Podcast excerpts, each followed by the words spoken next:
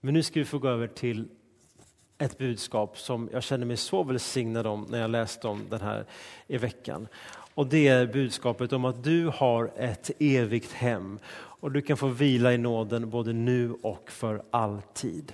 Och vi hörde en text som Lena läste för oss och vill du följa med den lite grann i predikan så har också den på sidan 1426 i psalmboken. Ja, den finns naturligtvis i Bibeln också i, i, i Johannes evangeliet 14. Men om du vill hitta sidan enkelt och vill vara med så 1426. Jag vill som introduktion börja precis på samma sätt som jag gjorde förra veckan, nämligen att påsken har kommit. I samhället i övrigt så firar vi påsken i stort sett mellan skärtorsdagen och i bästa fall hela vägen till annandag påsk. Men i kyrkans liv och som kristna så är det så att när vi en gång per år vill uppmärksamma att Jesus har dött och återuppstått, ehm, att vägen till himlen är öppen men också vägen till livet här och nu eh, är öppen, så säger vi det räcker inte bara med en söndag, det räcker inte med två, utan vi behöver i alla fall fyra eller fem söndagar då vi liksom lyfter fram det här budskapet som vi på ett sätt gör varje vecka men på ett särskilt sätt vill liksom betona under några veckor framöver. Här. Det vill säga att påsken har kommit, ljuset har kommit. Påsk betyder att gå förbi, det vill säga Guds vrede har gått förbi mänskligheten. Döden har inte längre makten över oss utan vi kan få vila i nåden, att han förlåter oss, han upprättar oss, han fyller oss med kraft. Han hjälper oss dag för dag genom vårt liv och han kommer aldrig lämna dig. Det bland mycket annat handlar påsken om. Och i en tid då många människor just nu upplever höst och vinter i sin själ på grund av omvärldens situationer, då säger vi i kyrkan, våren har kommit, det spricker redan nu upp. Nej, det är inte så att hösten kommer och vintern har kommit. Det är inte mörkret som går fram i världen. Det finns ingenting som kan stå emot Jesus Kristus. Hans är härligheten och kraften i all evighet. Så i alla livets omständigheter så vet vi att Herren har bevarat din själ in i det här livet och din utgång från det här livet. Du kommer inte veta hur länge till du lever, men vi, gör inte, vi lever inte den osäkerheten i fruktan, i oro, vad ska hända, utan i förtröstan. För att jag vet att jag är en evig varelse. Det är inte så att jag lever och dör nu och sen så påbörjas någonting nytt. Nej, det är mycket större än så. Redan här och nu pågår evigheten. Dödens makt är bruten redan här och nu. Vi uppfattar döden som ett slut, men egentligen så ska eh, Bibeln berättar att det är inget slut. Det är en sömn för att sedan väckas upp i någonting annat. Ridån går inte ned, den går upp när vi dör. Du stiger inte in i en solnedgång, utan när du dör, dina ögon sluts, så öppnas de till en soluppgång. Så påsken är här. Den har kommit, den har varit på plats i 2000 år. Men det är värt i år att fira den mer än tidigare. När folk tror att mörkret kommer, då vet vi dödens makt är redan bruten. Och det är ett gott ord att ta till sig en dag som denna. Så jag vill som inledningsvis säga till er att bli inte skrämd av situationen. Jesus börjar med att säga att känn ingen oro, tro på Gud och tro på mig. Han säger inte bara som många människor gör, känn ingen oro, allt kommer att bli bra. Han säger känn ingen oro på grund utav mig. Det vill säga när du har ditt namn skrivet i Livets bok, när du vet om, jag är en förlåten syndare. Jag är inte bättre än andra människor, men jag är kanske inte heller sämre, men jag är en förlåten syndare. Då vet du, ingenting som kommer emot dig av mörker, oro, vilken svårighet det än kommer att vara, det är aldrig det sista ordet. Därför Jesus han har sagt. Tro på Gud och tro på mig. Du vet att du ska dö, det vet du. Jag tittade på en dokumentär på, som finns på, på, på, på Netflix som handlar om människors liksom, möte med, med. Eh, de, de dör ett kort tag, kommer tillbaka och så har de många olika syner och upplevelser av frid och så vidare. Och så, är det en läkare som säger så här. Min erfarenhet är som läkare är att de flesta människor vill inte tänka på döden förrän det verkligen är dags. Varför är det så? Därför att man är rädd för döden. Men det man inte är rädd för, det kan man tänka på. Du behöver inte vara rädd för döden, därför dödens makt är bruten. Jesus har besegrat döden. Och därför så kan vi med öppet hjärta säga, men jag vet om att jag kommer dö. Många tror att det finns så mycket måsten här i livet, men det finns ju bara två måsten. Det finns ett fysiskt måste, du måste dö. Och så finns det ett andligt måste, du måste födas på nytt.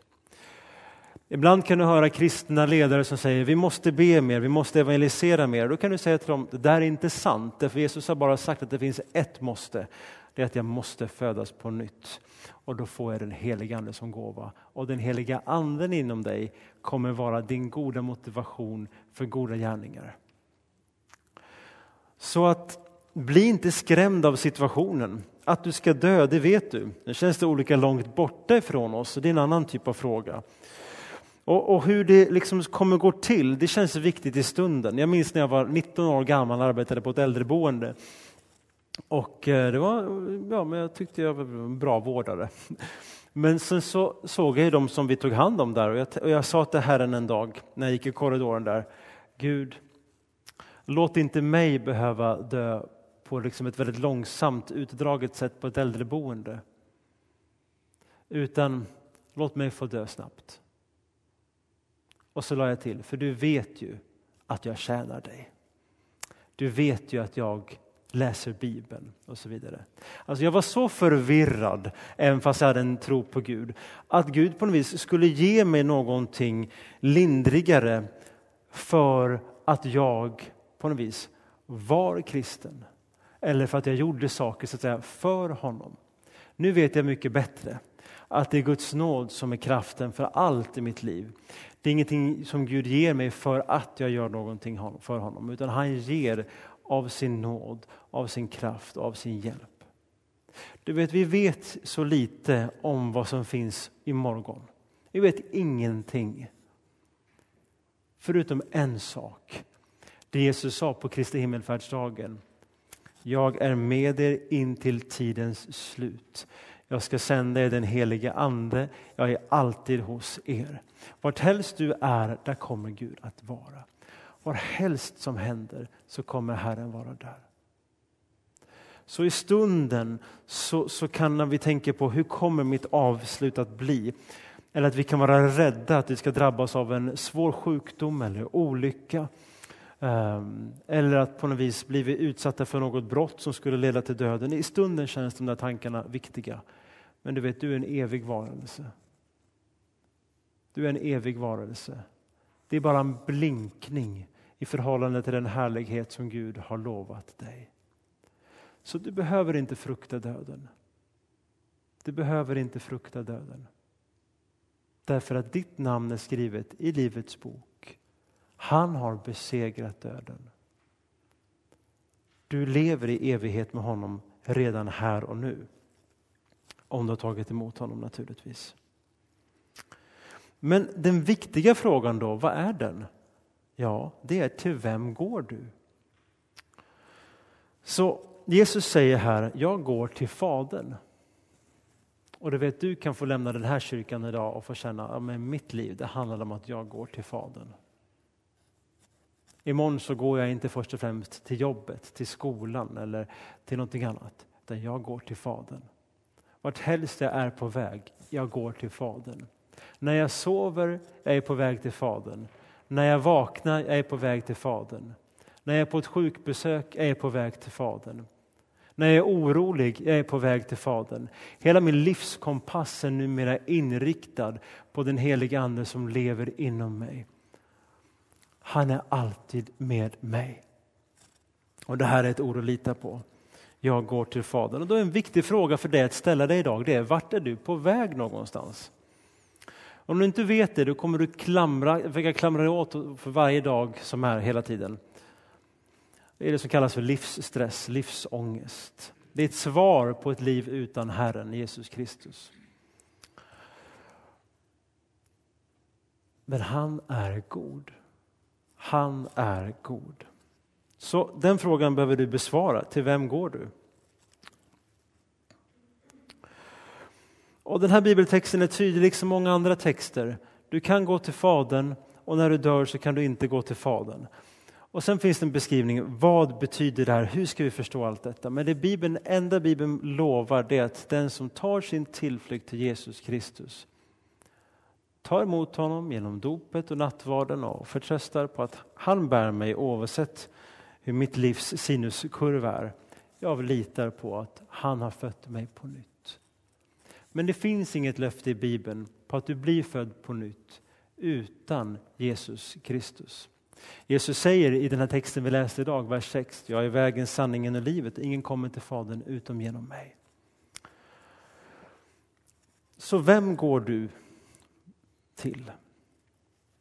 Men du vet, de goda nyheterna idag det är att jag vill uppmana dig och låta dig få se att Guds ord välkomnar dig till en permanent boplats som du kan flytta till här och nu. Jesus säger så här som vi läste, i min faders hus finns många rum. Skulle jag annars säga att jag går bort för att bereda plats för er? Om jag nu går bort och bereder plats för er så ska jag komma tillbaka och hämta er till mig så att också ni ska vara där jag är. Vad han pratar om det är ehm, rum i betydelsen permanent boplats. Det vill säga, han menar liksom inte ett rum som att ja, jag har ett sovrum hemma i vårt hus på Björksätersgatan utan, utan jag har en permanent tillhörighet hos Gud. Ja, när jag dör och kommer till himlen så kommer jag liksom permanent vara i Guds liksom närvaro. Men Bibeln berättar också tydligt att denna evige Gud är här och nu hos dig, i dig genom den helige Andes närvaro. Du är välkommen till en permanent boplats. Jag har en del bibelord ni kan ha som bibelläsning nästa vecka hemma. Men Filipperbrevet 3, vers 20 som har jag skrivit ut kort för er. Det är att vårt hemland är himlen och därifrån väntar vi också den som ska rädda oss, Herren Jesus Kristus. Vårt hemland är himlen och därifrån väntar vi också eh, den som ska rädda oss, Herren Jesus Kristus. Vad betyder det? Ja, han skriver på ett annat ställe också, Paulus, att vårt medborgarskap är i himlen.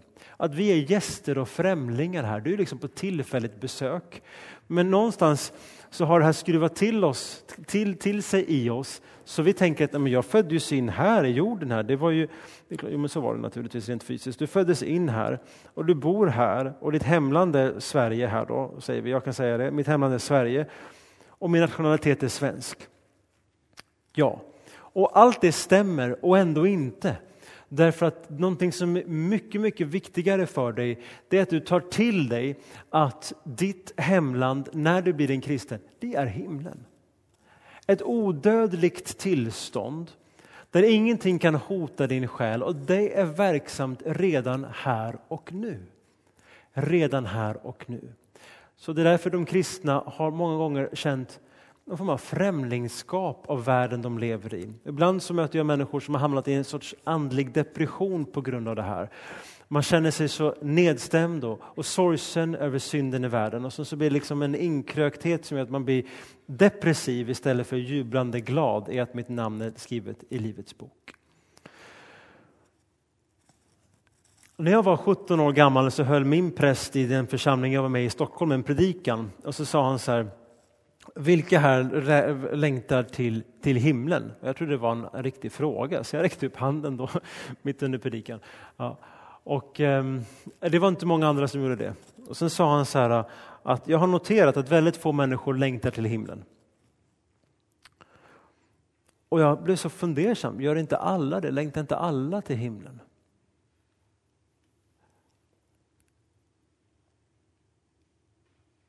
Jag tror djupast sett att du gör det. Din rotlöshet som du gör, att det är att du söker ditt hemland. Och så tänker man, men det här huset, det blir bra. Ja, men den här renoveringen, det gör mig trygg. Den här nya bilen, den fyller mig med lite tillfredsställelse. Vad är det du längtar efter? Du längtar efter den trygga, permanenta, eviga boningsplatsen. Och den finns bara, berättar Bibeln, hos Jesus Kristus. Så du behöver inte argumentera mot mig här, nej men det stämmer inte, det stämmer inte eller så. Utan lyssna till ditt inre. Vad händer när du läser och hör Bibelns berättelser om att du är skapad, du är älskad, du är förlåten, Gud är alltid med dig, du är redan en evig varelse här och nu. Du kommer inte förlora även om andra människor ser det på det viset. Och Bibeln berättar att ditt namn är säkrat. Så får du fundera på vad händer inom dig när du hör berättelserna om detta. Och se vilken tro som det skapar och väcker. För du är välkommen till en permanent boplats. Eh, Paulus skriver i Filipperbrevet 1.23, han säger jag slits åt båda hållen. Jag skulle vilja dö nu, bryta upp och komma till himlen så jag får vara i liksom fullständig gemenskap med Jesus Kristus.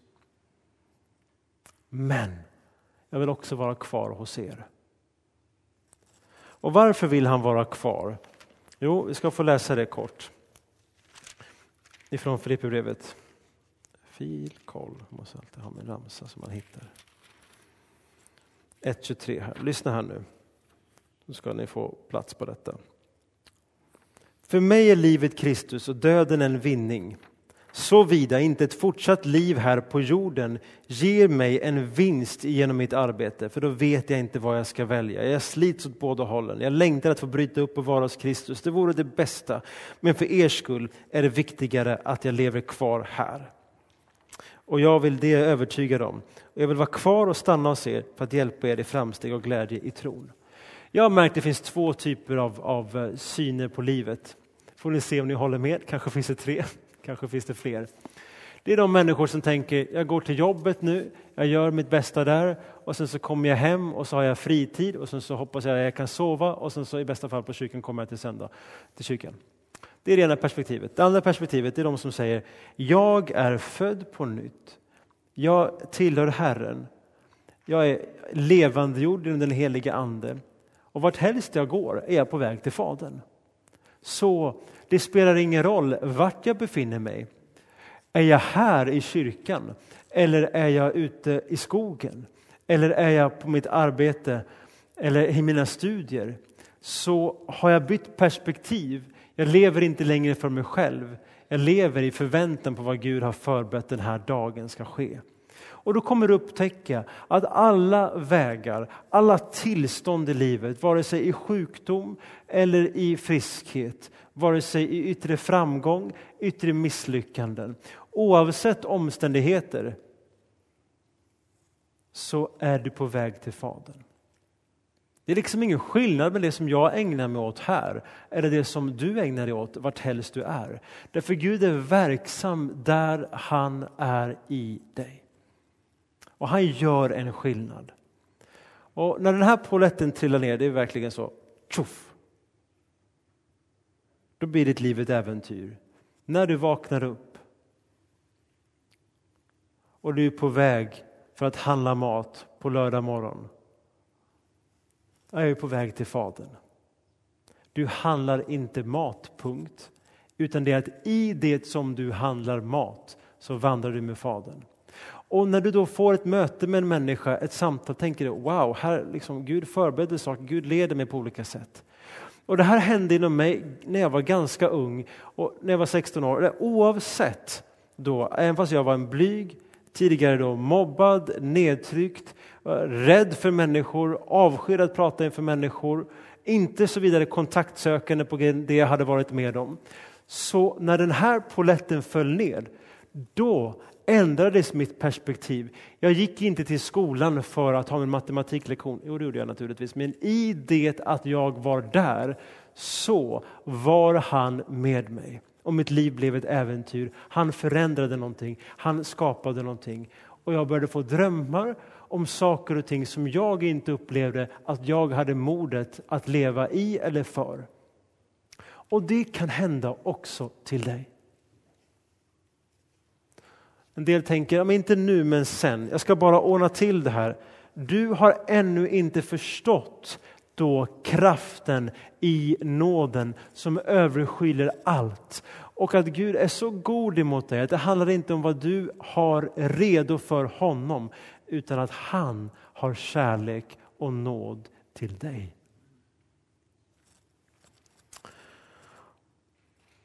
Paulus skriver också, vi vill, han skriver tillsammans med en annan person, vi vill att ni ska veta hur det går med dem som avlider så att inte ni behöver sörja som de andra, de som inte har något hopp. Varför har vi ett hopp då? Därför vi har en permanent boplats. Och vi dör inte i den slutgiltiga bemärkelsen, vi somnar in. Ibland när jag går på begravningar själv, inte när jag är präst det är eh, för egen del, men när jag går på begravning för någon som jag sörjer och saknar, då har jag ganska ofta knackat på kistan lite stillsamt, inte så att det märks, men för min egen del. Jag gör det som en egen liksom, ritual för att det är egentligen tomt där inne. Personen är med Herren, troligtvis. Och vi kommer mötas igen. Jag säger egentligen inte farväl, utan jag säger på återseende. Och du är personligen inbjuden till detta genom den helige Ande. Jesus sa till sina lärjungar, jag ska komma tillbaka och hämta er till mig. Jag hade en chef tidigare för några år sedan och ehm, han berättade så här. Jag var satt i min pappas dödsbädd. Han hade haft en stroke sedan många år tillbaka så han var förlamad i sin högra sida. Men precis i dödsögonblicket så öppnade han sin blick och så lyfte han sin hand, sin förlamade arm så mot en gestalt som jag inte kunde se i rummet och så dog han. Det finns så många berättelser som jag har fått höra när jag har begravningar som präst i samtal med människor och som man kan googla fram som gör att du vet, det blir för mycket för att säga att det inte är sant. Det blir för mycket för att säga att det inte är sant. Men du är personligen inbjuden genom den helige Ande. I den texten vi läste idag så är det 32 personliga tilltal som Jesus ger till sina lärjungar. Han talar om mig och jag till sina lärjungar om döden och himlen och det eviga livet. Och varför tror ni att han just där då är så personlig? Ja, vi kan ju inte veta, men med stor sannolikhet är det för att han visste att det här med livets död och det eviga livet, det ligger personligt hos var och en. När han skulle lämna sina lärjungar, då är de rädda, de är oroliga, de känner sig utelämnade, de är sorgsna, de är besvikna, de är liksom rådlösa.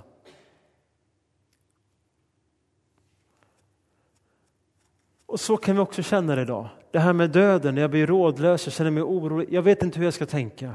Och då vill jag berätta för dig att det verkade lärjungarna känna precis likadant.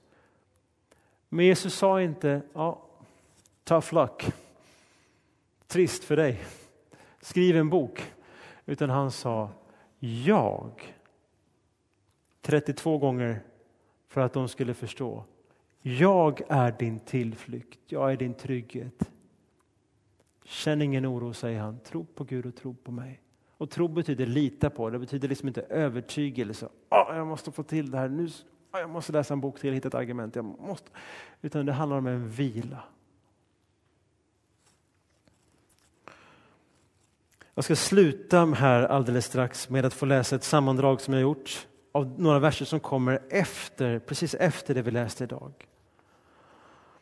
För där fortsätter Jesus och den här berättelsen. Så säger han så här.